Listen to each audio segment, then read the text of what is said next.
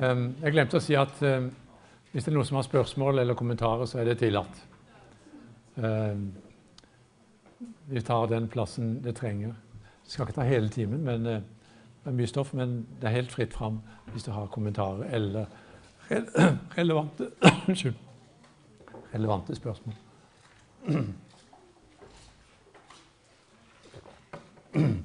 Skal jeg vente til tingene er på plass? Unnskyld.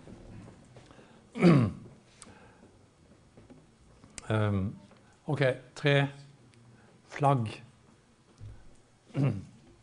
Kjennemerker, grunntrekk. Um, noen få kommentarer om uh, en mer sånn ikonografisk billedfremstilling av uh, det buddhistiske kosmos.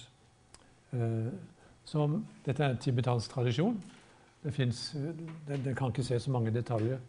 Men det er bare en kommentar om livets smertefulle bindinger. Eh, okay. Hvis dere ser på dette bildet Det, det er faktisk i læreboken også, så det, vi skal ikke gå veldig i detalj.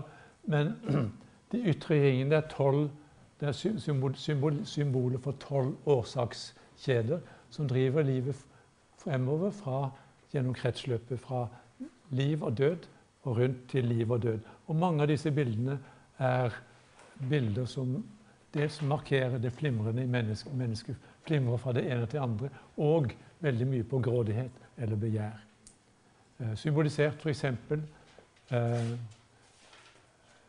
her ved elskende mennesker, samleie. Eh, rus, bilder av rus sant, som, som, sløver.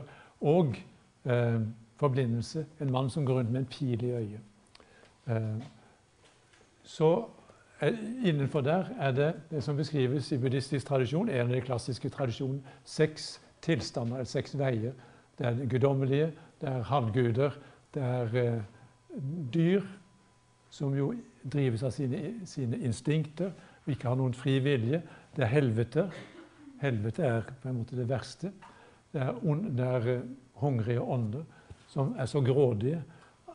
Og, og, derfor har straffen er at de har så tynne halser at når de drikker, så får de ikke mat. De får ikke mat å drikke ned.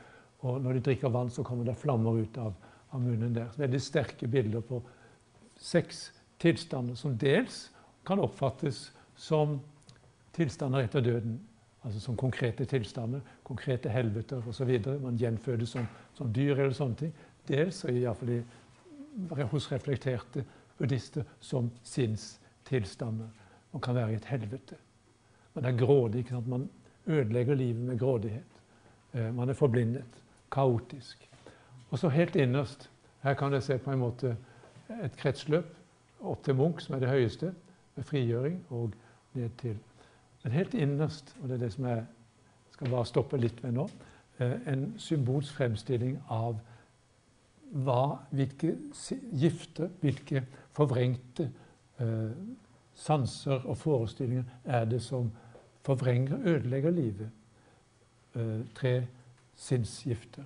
Som man kunne ha funnet annet, men dette er helt sånn tre eh, sentrale eh, bilder på det som ødelegger og forkvakler livet. Det er symbolisert ved en hane, en gris og et, en slange grådighet eller begjær. Vi vet alle hva grådighet er. Eh, tidligere så, så oversatte man det ofte med, med, med livstørst. Um, som, som, kan ofte virke, kan virke veldig negativ. Og er det galt å være glad i livet? Er det galt, galt å ha tørst? Og så uh, mange buddhister foretrekker ordet grådighet, som på en måte stemmer mer. Er behovet for å klamre seg til ting, for å eie, for å dominere, for å ha som, som, vi vet faktisk ødelegger verden. Det er helt opplagt. Og det er gjenkjennelig også i andre religioner. Veldig gjenkjennelig i kristen tradisjon. Uvitenhet det er det formørkede sinn, som ikke ser, lukket øynene, ikke det klare blikket, men som drives av falske forestillinger. Og hatet. Eller sinne. Hatet vet vi også. Det er en, en gift som ødelegger ikke bare den som vi hater, men like mye oss selv. Dette er på en måte plukket ut som tre sentrale eh, sinnstilstander, eller sinnsgifter, eh, som forkvakler livet. Som ødelegger alt, egentlig. Um, hvis man leser Dalai Lamas bøker, så er det de tre som går igjen nesten hele tiden. Eller Thich kommer tilbake til den neste, neste, neste gang som representanter for eh, viktige buddhistiske tenkere som har også relaterer dette til etisk refleksjon. Eh, sinnsgiftene. Løsningen høres veldig enkelt ut. Ok, Her er det samme bilde. Løsningen er eh, For disse sinnsgiftene beskrives ofte som flammer, som ild. Eh, grådighetens flamme, eh, hatets flamme, uvitenhetens flamme. Da kan man se for seg kanskje en mørk flamme. vet ikke, ikke sant? Dette kaotiske mørket som er, som er som en sånn flamme i sinnet. Noe som brenner og ødelegger. Eh, hovedordet for, for buddhistiske frigjøring, eller frelse, eller hva man vil kalle det, det er nirvana. Som rett og slett betyr utblåsning. Eh, flammen slukkes.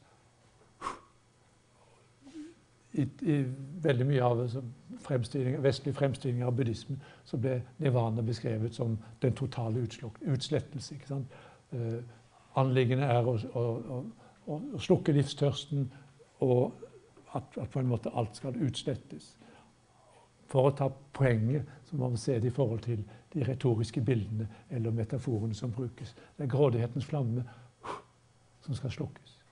Det er hatets flamme som skal slukkes. Det er uvitenhetens eh, kaotiske, mørke flamme som skal slukkes. Hva skjer det da?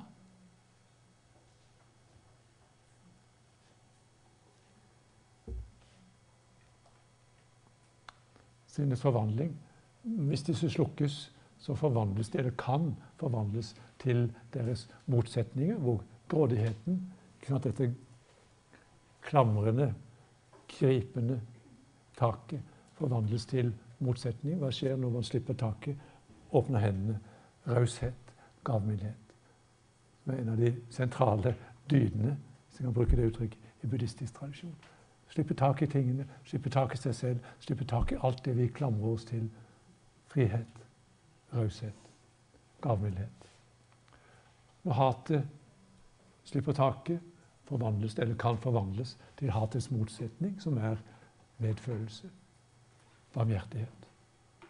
Og når uvitenheten slipper taket, man våkner opp, så forvandles det til innsikt, oppvåkning, klarhet. Det klare blikk. Enkelt, men dessverre ikke så lett som det høres ut til. Det er, vet alle som vet litt om seg selv, at det er slett ikke lett. Buddhistisk tradisjon disiplin. Helt fundamentalt. Selv om det er mange som er opptatt av buddhisme, som sjelden tenker på at dette faktisk er en ganske krevende disiplin. Jeg har sagt religiøs disiplin fordi det er krevende. Behøver ikke markere det religiøse så veldig sterkt, men det ligger i mange tradisjoner. Askese, et vestlig ord. De fleste jeg vet ikke hva slags forhold dere har til askese kristen tradisjon, ofte beskrevet ikke minst i protestantisk tradisjon som noe negativt. Men askein betyr å øve seg, å trene. Så de mest as ekstreme asketene i vår, vårt samfunn er jo disse eh, sportsmenneskene. De, de, det er jo en helt ekstrem askese. De må gi nesten alt for å øve, øve, øve, øve. øve. Askese. Ikke avstått av ting for å oppnå noe annet. Disiplin også litt sånn negativ, iallfall i min oppvekst. En lærer en, en, Kanskje en lærer har disiplin, det betyr at man, man respekterer han. Men det er disiplin. Liksom, Man disiplinerer, man, man, man kuer osv. Men disiplin har jo noe av det samme. Det har med disippel å gjøre. Læresvein, som det heter på nynorsk. Å øve seg under en mester for selv å mestre. Det er det en musiker gjør øve, øve jevnt og trutt. Det er det sportsfolk gjør. Det er det man gjør på universitetet, faktisk. Man øver seg under en mester. Akkurat i dette tilfellet er meg som Beklager. Jeg har ingen høye Glem det. Delete, er det ikke det heter? Uh, man øver seg for selv å mestre. Uh, noen tror man kan klare seg uten disiplin. Det går ikke. Selv om man er verdensmester. Superintelligent. Uh, og religion, buddhisme, kristendom er faktisk en vei. Det er praksis. Man må gjøre noe. I buddhistisk tradisjon det er mange forskjellige tradisjoner, men all buddhisme har visse sånne hovedelementer som dukker opp i alle sammenhenger.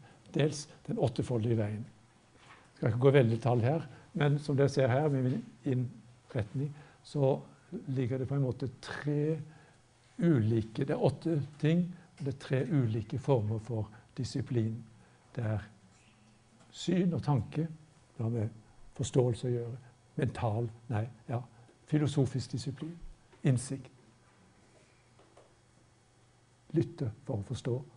For, for å se sammenhengene. Og de tre neste moralsk disiplin. Rett tale, rett handling, rett levemåte. Hvis man skal bli en buddhist, så er det ikke bare å gå og, og sitte i meditasjon og ha en feel good eller ha en buddha i hyllen. Det, det handler faktisk om moralsk disiplin. Måten man lever på, måten man taler, og handlingen. Og de to siste, eller tre siste går på meditativ disiplin. Rett streben. Streben høres litt sånn um, streb, streben ut. Det er ikke det som er anliggende. Det er faktisk rett. Det krever noe. Det krever en innsats. Alle som har forsøkt å meditere, vet at det faktisk er en ganske krevende disiplin. Krever mye utholdenhet. Ja, hvorfor i all verden sitter her? Er det ikke snart ferdig? Ah, langsomt tiden går, så tenker man fullstendig andre steder. Det krever utholdenhet. Er, man, må, man, må, streve. Oppmerksomhet. Det er buddhistiske mindfulness. Den våkne Plutselig husker jeg ikke hva man pleier å oversette. Årvåkenhet er litt sånn kontrollerende, men uh, det, det våkne nærværet. Å være til stede i sitt eget sinn og se, betrakte. Og det siste rett konsentrasjon. Rett absorpsjon eller konsentrasjon. Eh, så buddhistisk disiplin, det er filosofisk, det er moralsk, og det er mental eller meditativ. Eh,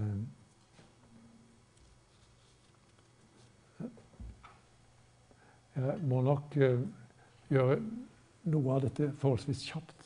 Fordi uh, si, hovedanliggende i disse forelesningene er jo den etiske, etiske refleksjonen.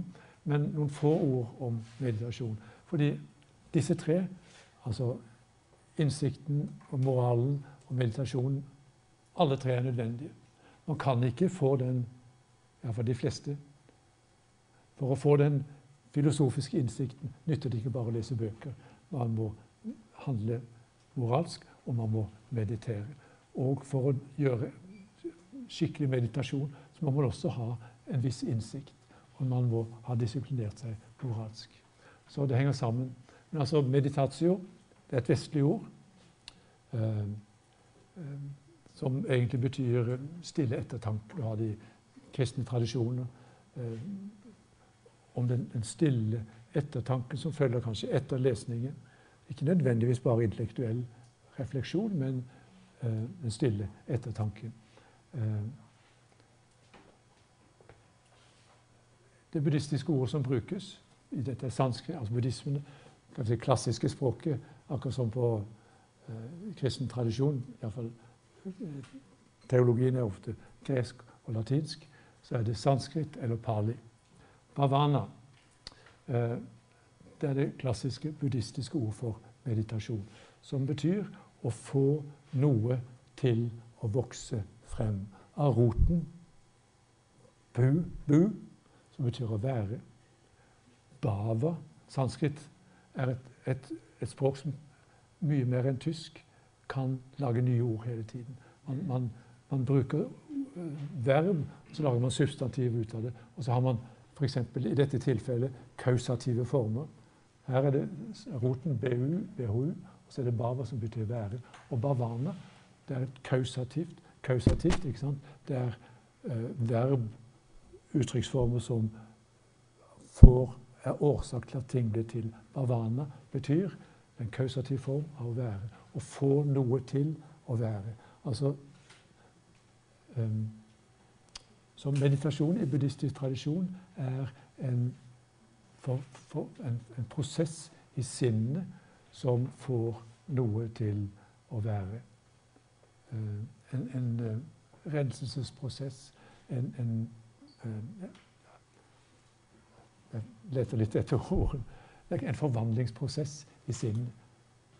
Alle vet at for, forvandling, forandring, er vanskelig. Det er ikke riktig, det ikke sant at forandring fryder. Iallfall ikke når det går på sånne fundamentale ting. Det skal veldig mye til å forandre sinnet. Eh, så man taler om tre. Det står mer om det i boka. Dere kan lese det. Det er stillheten. Klassiske bildet på meditasjon i buddhistisk tradisjon er gjørmedammen. Ligger der full av gjørme. Men når vannet kan stå stille en stund, så synker grumset til bunns. Så blir vannet klart. Det er meditasjon. Å bli stille, bruke pusten, åndedrettet, kroppsposisjon, kanskje lyder, eh, telling, av og til mantra, for å få still, sinne, still, stillhet, stillhet i sinnet. Og så kanskje begynner man å se. Ser kanskje etter hvert drivkreftene i sin, sinnsskiftene. Man betrakter dem. Man bedømmer dem ikke. Det er en viktig buddhistisk tradisjon. Man bedømmer dem ikke som gode eller onde. Man ser irritasjonen over naboen som sitter og mediterer og, og puster og puster. Man hører lyder utenfor. Man får masse tanker. Eh, helt andre ting. Men hele tiden Ikke si at dette er ondt eller galt, men bare observere det og si at OK, jeg er faktisk ganske kaotisk i sinnet mitt. Men vend tilbake til pusten, til åndedrett. Falle til ro. Så etter hvert, og dette er en virkelig krevende prosess, etter hvert som sinnet klarner, så ser man kanskje drivkreftene. Ser sitt eget hat. Ser hva det gjør med selv, en selv. Hva det gjør med andre. Grådigheten. Og kanskje ved å se Å se og se uten å si at nødvendigvis at dette er ondt, men ser at dette gjør noe med meg, så kan man kanskje etter hvert slippe tak i det. Det er buddhistisk meditasjon og stillhet. Oppmerksomhet ligger i det jeg har sagt, eh, og visdom. Ja. Dette blir veldig knapt. Og, og da går jeg over til neste punkt etisk refleksjon. Jeg har sagt mye om det allerede, men um, nå tenker jeg um, litt tydeligere. Jeg snakket om uh, den åttefoldige vei. Uh, kanskje jeg bare skal nevne at det som jeg har beskrevet her, høres kanskje lett ut. Altså, ikke sant? Stillhet og se osv. Eh, gjennomskue sine egne drifter og behov og, og se hva det ødelegger. Det er, det er, vanskelig. Så jeg har skrevet litt mer om, om uh, hva som i tradisjonell buddhistisk tradisjon også er nødvendig for at man virkelig skal kunne gjøre dette. Dels nesten alltid at man må ha en mester som kan hjelpe en. Akkurat som en psykiske problemer treng, kan trenge en terapeut, så, så trenger man faktisk en, en, mester som kan veilede en. Som kan dytte på en, gi et spark bak kanskje, eller trøste, holde oppe. Men tvinge, gå sammen med vedkommende inn i den krisen det faktisk er når vi gjennomskuer oss selv. For det er som regel ikke så veldig lystelig. Man kan miste motet, man kan gi opp, og man kan OK. Man trenger en mester. Og man trenger et fellesskap. De som har meditert, vet at de fleste i alle fall, at det er utrolig vanskelig å sitte alene og meditere. Kanskje en dag, kanskje Man har vært på et meditasjonskurs, og dette skal vi gjøre resten av livet. Så går det én morgen og to morgener, så, så dabber det av. Fellesskap. Det er det som ligger i det buddhistiske, at vi tar til tilflukt også til sanga, som da er tradisjonelt ordensfellesskap, men også et fellesskap av mennesker som hjelper hverandre, veileder hverandre. Det er helt fundamentalt. Og jeg tror jeg må si litt før Jeg husker ikke helt uh, strukturen her, men jeg får si litt om hvordan dette også har preget mye av buddhistisk etisk refleksjon. Fordi i veldig stor utstrekning så har jo dette blitt utviklet i nemlig monastiske sammenhenger. Sammenheng, altså ordensfellesskap, munker, nonner, som har brutt opp fra hjemmetilværelsen. Buddha kalte jo unge, stort sett menn av god familie, som det heter, til å bryte opp, slik han selv hadde brutt opp, og søke sannheten. Svarene på de store spørsmålene i livet. Så, så det er noe grunnleggende monastisk i, i, buddhistisk sammenheng. Og veldig mye av utgangspunktet for den etiske refleksjonen er eh, munkesamfunnet. Ordensfellesskap. Som regler for hvordan skal munker og nonner leve sammen. De, de lever ikke sammen, de er atskilte. Men hvordan skal man i dette fellesskap leve sammen? For veldig mye tilsvarende monastiske regler i kristen sammenheng. Eh, man måtte ha regler for hvordan munkene skulle ha sitt liv osv. Ganske mange paralleller, faktisk. Men det har også preget ganske mye av buddhistisk eh, refleksjon omkring eh, Ja, dette har vi sett på.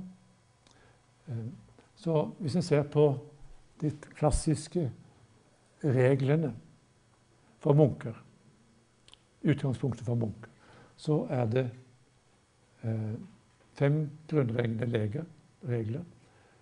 Alle burde avstå fra å ta livet av levende vesener. Avstå fra å ta det som ikke er gitt oss. Avstå fra urette seksuelle sansenytelser. Avstå fra å tale usant. Avstå fra å beruse seg med nytelsesmidler, berus, rusmidler. På en måte så, så minner det jo også da om gammeltestamentlige bud. Du skal ikke du skal ikke slå i hjel. Første, du skal ikke slå i hjel. Du skal ikke stjele. Du skal ikke drive hor, heter det i gamle dager. Jeg vet jeg husker ikke hva det heter nå. Ikke bryte ekteskapet, kanskje. Du skal ikke tale usant. Du skal ikke i Bibels tradisjon, du skal ikke si falsk vitnesbyrd mot din neste, eller du skal ikke lyve. Du skal ikke beruse deg med noe slags rusmiddel. Det fins ikke i Bibelen. Tvert imot er det ganske mye alkohol. Jo, det er jo det. Vinen, ikke sant. Eh, løftene om det store fremtidsriket. ikke sant? Det skal være fete retter og gammel, klaret vin. ikke sant? Så det er litt annerledes enn buddhistisk tradisjon. Men hvorfor formuleres det på denne måten? Hva er poenget med at man skal avstå fra?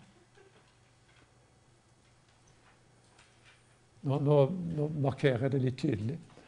Man skal avstå fra ting som hindrer en i ens søken, i ens meditative søken, i ens disiplinering for å nå innsikt, for å nå klarhet. Tar man livet av levende vesener, så er man fylt av et eller annet. ikke sant? Man skal hevne seg. Ødelegger sinnsroen. Bryter ned sinnsroen. Helt opplagt. Veldig tydelig. Ta det som ikke er gitt meg. Avstå fra det betyr jo at man avstår. Det er noe med grådigheten. Man skal gi slipp på grådigheten. Man skal sette seg selv i en sammenheng hvor man ikke griper tak og forsøker å få tak. Urette seksuelle sansenytelser det er noe av det store utfordringen for munker. Munker, kvinner Jeg vet ikke om det er helt det samme for nonner. Det er ikke så mye om nonner og menn, faktisk. Men for munker er det ufattelig mye buddhistisk tradisjon som, eh, som eh, legger vekt på seksuell seksualitet som et enormt problem, fordi det skaper jo sånn sterke, grådige begjær. forstyrrer. Enormt forstyrrer. Så en liten parentes. Eh, jeg, har, jeg har det ikke med meg her, men eh, jeg har plukket, plukket opp et bilde i, om, fra Thailand om menneskets, menneskets kretsløpet, liv og død. Munch som sitter og mediterer, og så ser han for seg enten helt konkret en kvinne som går forbi, begrepet av begjær, eh, grådighet. Tankene settes i gang, ødelegger meditasjonen. Men så beskrives det Dette er klassisk buddhistisk beskrivelse som første stadium i meditasjon. Ok, der ser du en vakker kvinne. Men tenk litt videre. Heng deg ikke fast i det. Se hva som skjer med denne kvinnen. Ok, Nå er hun ung og vakker. Kanskje Miss World. Det er faktisk et bilde med, med Miss World som går forbi. Eller Miss Thailand. jeg husker ikke Se for deg hva som skjer med henne. Hun blir eldre. Middelaldrende. Så blir hun eldre, hun blir kroket og rynkete. Forferdelig lite å se på. Og så til slutt så dør hun og ligger i graven og råtner. Er dette noe å klamre seg til? ok, det, det er en litt sånn brutal veldig folkelig veiledning, men sier litt om hvor, hvor utfordrende seksualitet er for Munch. Avstå. For disse to japanske munkene som jeg nevnte, skal ikke engang se kvinnen. Alle, alle, de skal ikke berøre, men ikke engang. Ikke for det skaper så masse. Avstå fra. Tale usant, som vikler en inn i alle mulige merkelige ting. Og rusmidler. Rusmidlene sløver jo Ok, Det var en stund på, på, stund på 60- og 70-tallet man trodde LSD kunne skape satori, eller oppvåkning. Rusmidler kan gi sterke opplevelser, men stort sett buddhistisk tradisjon radikalt avviste alle sånne kjemiske satori, som de kalte det. Kjemisk oppvåkning. Eh, rusmidler sløver, døyver, hindrer oppvåkning. Det er de fem første som på en måte kan være aktuelle for alle mennesker. Men så fem ekstra som, også, som bare gjelder munker og nonner. Avstå fra måltider etter middag. Avstå fra dans og musikk og skuespill. Avstå fra blomsterkranser, parfymer og salver. Avstå fra behagelige senger. Avstå fra å eie gull eller sølv. Alt er på en måte luksus. Eh, ting som kan avlede fra, eh, fra ødelegger, ødelegger sinnsroen, skaper grådighet, skaper begjær, eh, kanskje skaper sterke emosjoner. Avstå fra måltider etter middag. Ja? Ja. Eh, hvis, altså, la oss si hvis man da føler et begjær som, som skal man da akseptere det, eller skal man prøve å bli kvitt det? Ja, jeg, jeg, jeg, tror det vil si Du skal ikke prøve å bli kvitt det. Altså det ikke, de vil ikke si at dette er ondt.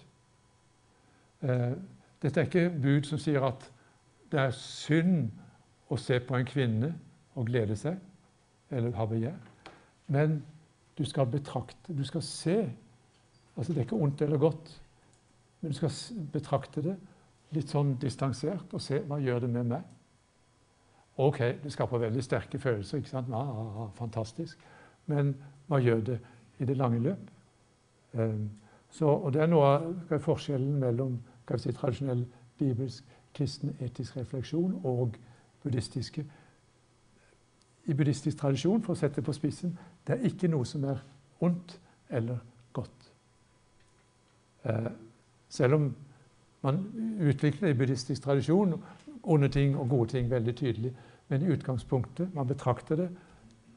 Man fordømmer det ikke. Man kan velge å å forfølge det, men etter buddhistisk tradisjon vil det da antagelig ødelegge ens liv. Hvis man skal bli fri, så må man slippe tak i det. Betrakte det, se på det, se hva gjør det med meg, osv.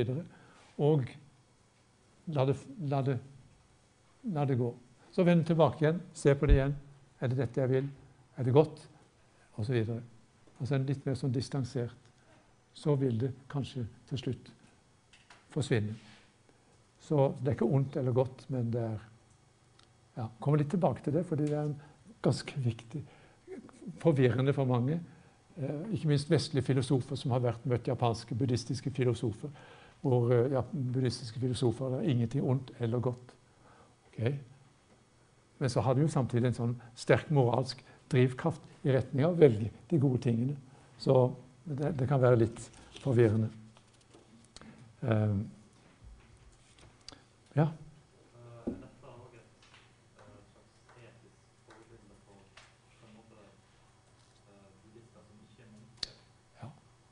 Eh, det, det, er det faktisk. Altså, vanlige folk kan jo ikke Ok, de er kanskje fattige at de, de, at de, de kan ikke ha behagelige Unnskyld.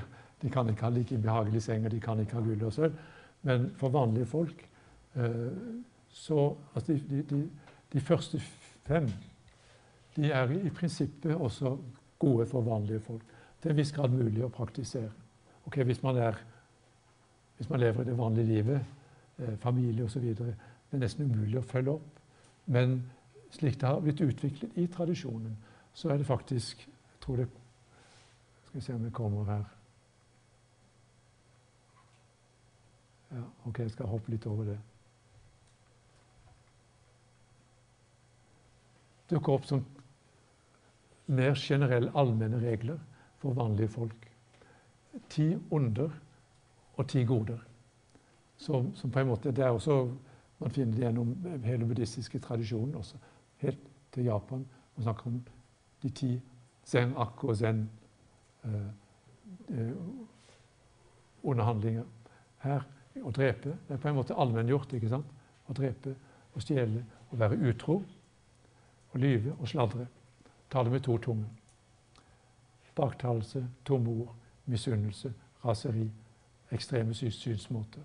Altså, har man på en måte tatt det litt ut av den monastiske sammenhengen og gjort det til leveregler for vanlige mennesker. Mer som de ti bud, selv om motivasjonen, iallfall hvis de får den etiske motivasjonen, så er det ikke fordi dette er absolutt ondt eller absolutt godt, men det er, det er leveregler og ti tilsvarende gode eller gode handlinger. La være å ta liv, la være å stjele, unngå, la være å lyve, la være å sladre osv. Det, det er på en måte en slags nesten katekisme for, for vanlige folk som har blitt formidlet. Det er på en måte tatt litt bort fra den, den monastiske sammenhengen. Det, var det klart nok? Ja.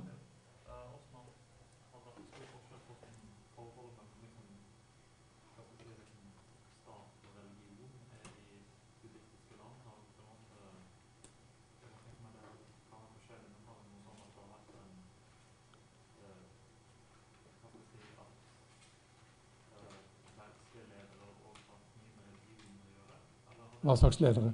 Verdslige ledere? Ja, altså det er, et, det er et kjempetema. Det finner man gjennom hele historien. Dels at, at buddhismen har gjennomgående akseptert den statsformen som er, underkastet seg. Altså Det har vært lite profetisk i betydning at de har kritisert. De har, det er en tendens til å underkaste seg, og i veldig stor utstrekning fått støtte fra statsledere. Thailand forholdsvis nær forbindelse mellom stat og religion. Helt tilbake på 200-tallet før Kristus. Den første buddhistiske store keiser, som heter Ashoka. Som hadde vært en stor kriger, hadde underkastet, skapt et stort imperium i India, Ashokas rike. Eh, han sendte sendemenn til Makedonia, til Vesten. Han, etter sine store seire så ble han overbevist om buddhismens sannhet og skapte et toleranserike. Alle religioner skulle tolereres, men han støttet først og fremst buddhismen. Så, eh, men, og, Sånn som det er nå i, eh, i uh, Myanmar, så er jo buddhismen tett, tett, tett vevet sammen med det nasjonale, det nasjonalistiske. Eh, jeg har forsket på Japan på slutten av 1800-tallet, hvor buddhismen kjempet desperat for å bli statsreligion. Og i perioder gjennom japansk historie så har buddhismen på en måte vært den etablerte religion. Eh, staten kontrollerte den, men samtidig støttet buddhismen staten. Så på slutten av 1800-tallet så det var kristen, Japanske havner var åpne på midten av 1800-tallet. Kristendom var kommet inn.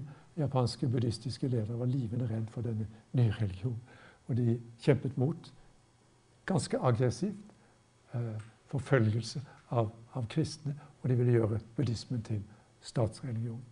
Eh, et av argumentene er jo litt interessant akkurat i denne sammenheng, kanskje. Et av ankepunktene den gangen dette var buddhistiske sentrale ledere mot kristendommen, var at kristendommen står for et universelt budskap. Mens buddhismen er en nasjonalistisk religion. Patriotisk. Så det var kristne ledere som måtte minne buddhister om at buddhismen faktisk har et universelt budskap. Så, men det, det, altså religion har jo en tendens til å tilpasse seg og bli fanget inn av makten, for å si det sånn. Dels for, fordi den selv ønsker makt, dels fordi den trenger beskyttelse. Sånn som har vært gjennom, gjennom tiden. Um, ja, jeg kunne si mye om det. Japansk buddhisme, det som jeg kjenner mest, var jo en av de sterkeste støttene til japanske ekspansjonen, japanske krigen. Um, så det, er skrevet mye om det. Zen at War, f.eks. Hvor Zen har, har, eh, motivert også for nasjonalisme. Så, og det, det, gjelder, og I Sri Lanka har jo buddhisme på en måte hatt en tendens til å identifisere seg som selve identiteten ved det å være fra Sri Lanka. Det er å være buddhist. Til problemer for muslimer, for kristne, for minoriteter. Det er fremdeles et problem. Så eh, det er noe av det anliggende til eh, Tork, Torkil hva heter han, eh, Brekkja i begynnelsen, eh, som jeg siterte så vidt i begynnelsen, at, eh, at, at buddhismen eh, er ikke Ok, den er basically en ganske fredelig religion. Det er ikke så veldig mye eh, gjennom historien har tendens til å tilpasse seg og være ganske fredelig fremdeles. Men det er en illusjon å tro at ikke buddhismen gjennom, gjennom historien har vært aggressiv, har vært eh, underkuende og ikke minst forholdet mellom altså kjønnsdiskriminering, som er gjennomgående i buddhistisk tradisjon. Så eh, det er ingen, ingen, religion er uskyldig. Det er ganske viktig. at vi eh, Det vi får av buddhisme her i Vesten, er på en måte stort sett um, Hva heter det? Um, Indrefileten. Jo, men altså, det er det beste, stort sett. Det er også ikke bra ting. Zen-mestere fra Japan eller andre steder som bruker sin posisjon til makt og forhold til kvinner osv. Men det meste er jo faktisk det beste. Ehm, så, men altså i, i, de østlige kulturene så har man alt mulig rart. Rusk og rask. Der også. Men stort sett, jeg tror jeg kan holde fast på, buddhismen er grunnleggende en ganske fredelig religion. Det tror jeg vi kan si.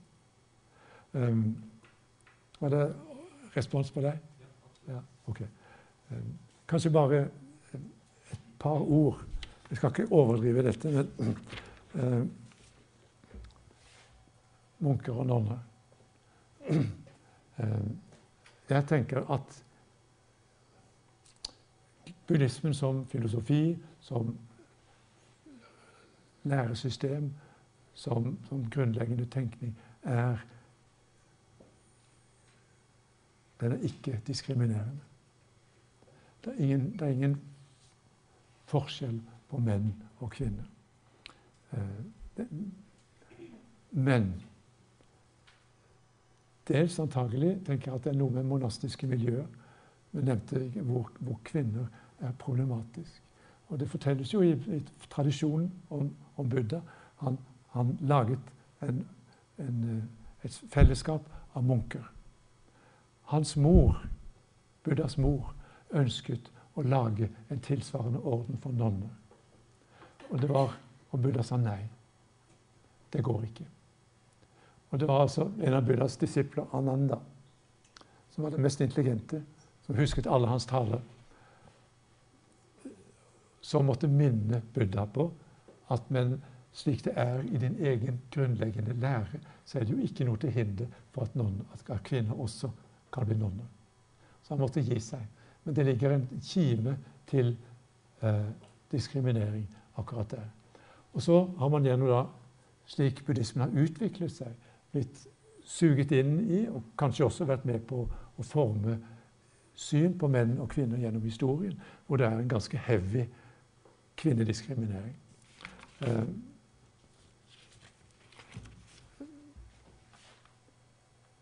det er eh, bare sånn noen banale 727 regler for munker, men det er 311 for nonner. Det kjenner vi fra mange kulturer. Forestillingen om at nonner og mot kvinner er mer eh, emosjonelle, mer sanselige, mer fylt av begjær enn menn. I vår kultur var det også alltid jenta som fikk skylda når en mann hadde satt barn på henne. Det var hun som hadde lokket. Nonner har langt strengere regler enn munker. Er buddhismen diskriminerende? Det har jeg sagt litt om. Basically ikke. Men har hjemme en orden, regler for monastic rules, hvor det er ufattelig mange ganske diskriminerende regler. Selv en nonne som har vært ordinert i over 100 år, må vise ærbødighet for en munk som er ordinert samme dag. Det er ganske heavy. En nonne må ikke i regntiden oppholde seg sted, et sted hvor det ikke er en munk i nærheten som kan passe på henne. Hver halve måned skal nonnen motta to ting av munkenes fellesskap. Opplesning av reglene og en formaning. En nonne må ikke såre eller skjelle ut en munk på noen måte. En nonne kan ikke veilede en munk, selv om en munk kan veilede en nonne. Okay, altså, det, er, det er massevis av den type ting som er blitt til selvfølgelig gjennom historien. Og ikke minst i kinesisk sammenheng, hvor det kinesisk tradisjon har vært en ganske heavy kvinnediskriminerende tradisjon, er buddhismen suget inn i ganske tunge, diskriminerende ting. Som kanskje ligger også litt i den, den gnostiske tradisjonen. Eh, så f.eks.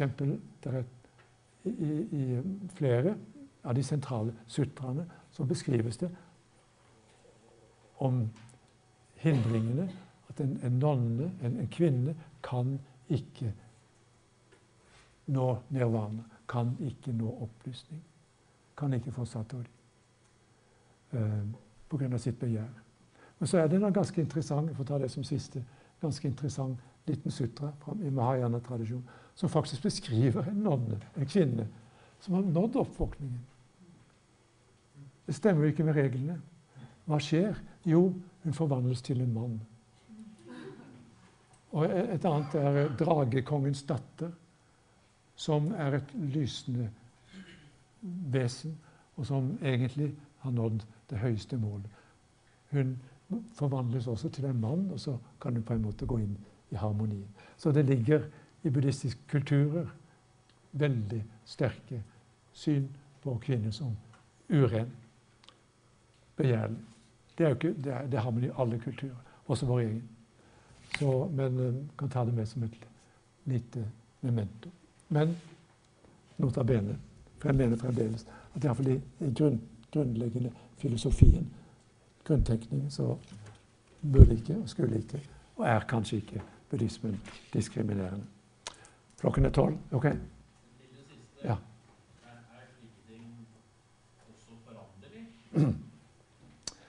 Det, det, skjer litt. Det skjer litt, faktisk. Og det er jo interessant. Veldig mye av den, mye av den tematikken er jo tatt opp av vestlige buddhister. Um, som er opptatt av diskriminering. Bare et sånt enkelt spørsmål. En, en, en, enslig mor som spør Dette er en amerikansk sammenheng. Kan jeg ta med mitt barn på et meditasjonskurs? Totalt ny, nytt spørsmål i buddhistisk sammenheng. En japansk kvinne ville aldri ha stilt det spørsmålet, men det dukker opp nye spørsmål. Kan vi ha kvinnelige Jeg hadde en, en, venn, en amerikansk venn i, i som ble kjent med i Japan, som var på jakt etter kvinnelige buddhistiske mestere. Det er som å lete etter en stakk i en høy, et nål i en høystakksagn. Hun fant noen, og det er foranderlig. Det er foranderlig. Det skjer en del ting. Uh, ok, men vi kan komme tilbake til dette. Takk for nå.